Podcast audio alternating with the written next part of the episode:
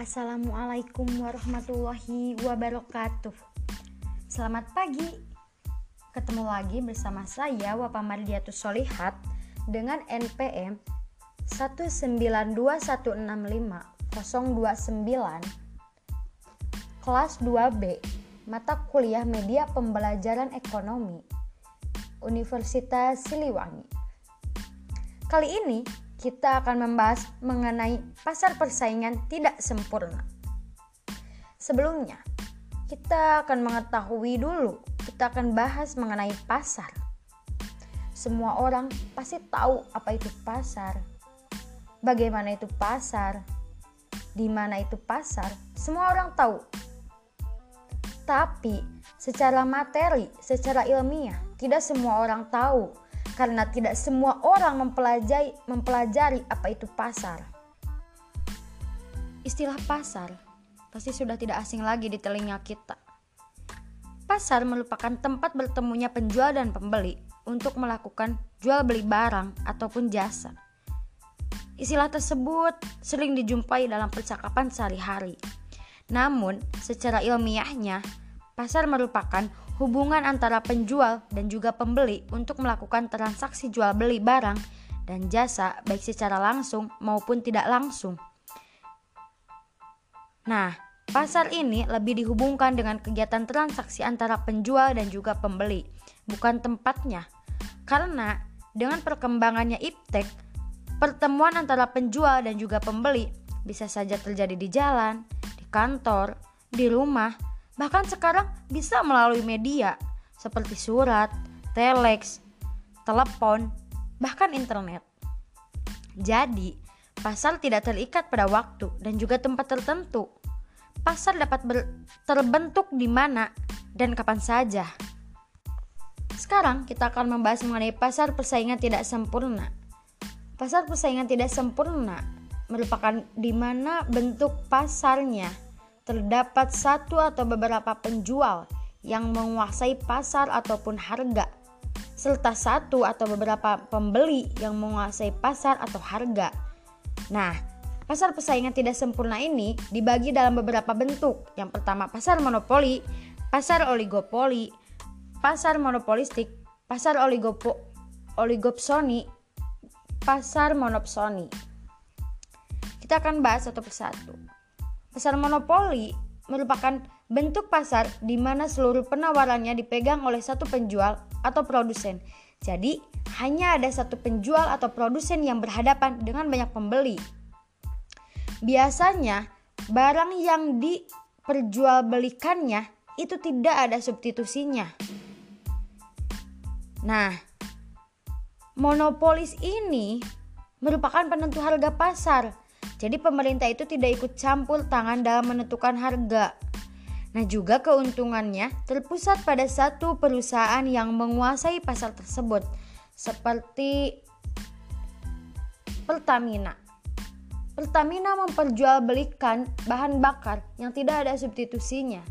Jadi, keuntungan seluruhnya itu dipusatkan kepada Pertamina. Yang kedua ada pasar oligopoli. Nah, pasar oligopoli ini pasar yang dikuasai oleh beberapa penjual. Nah, di sini penjualnya itu terdapat sekitar 3 sampai 10 lah ya. Dan mereka memperjualbelikan barang yang ada substitusinya. Dan keputusan harga tuh diambil oleh satu perusahaan harus juga dipertimbangkan oleh perusahaan yang lain dalam satu industri karena akan saling mempengaruhi. Jika suatu perusahaan menaikkan harga tetapi tidak diikuti oleh perusahaan lain, maka perusahaan yang tadi menaikkan harga itu kemungkinan konsumennya akan kabur nih ke perusahaan lain. Yang selanjutnya ada pasar monopolistik. Pasar monopolistik merupakan pasar yang terjadi bila dalam suatu pasar terdapat banyak produsen tetapi ada diferensiasi produk yang dihasilkan oleh masing-masing produsen. Nah, jadi model pasar persaingan monopolistik ini pada dasarnya sama sih dengan model pasar persaingan sempurna. Hanya saja produk yang dihasilkan dalam pasar monopolistik itu terkenal dengan adanya diferensiasi produk, sehingga produk yang dijual bersifat heterogen atau beragam. Nah, dalam pasar monopolistik, tadi kan barang yang diperjualbelikannya itu terdiferensiasi, ya. Sama, namun berbeda corak, berbeda merek, berbeda kemasan, apa pun itu ada sedikit perbedaan gitu yang mencolok gitu.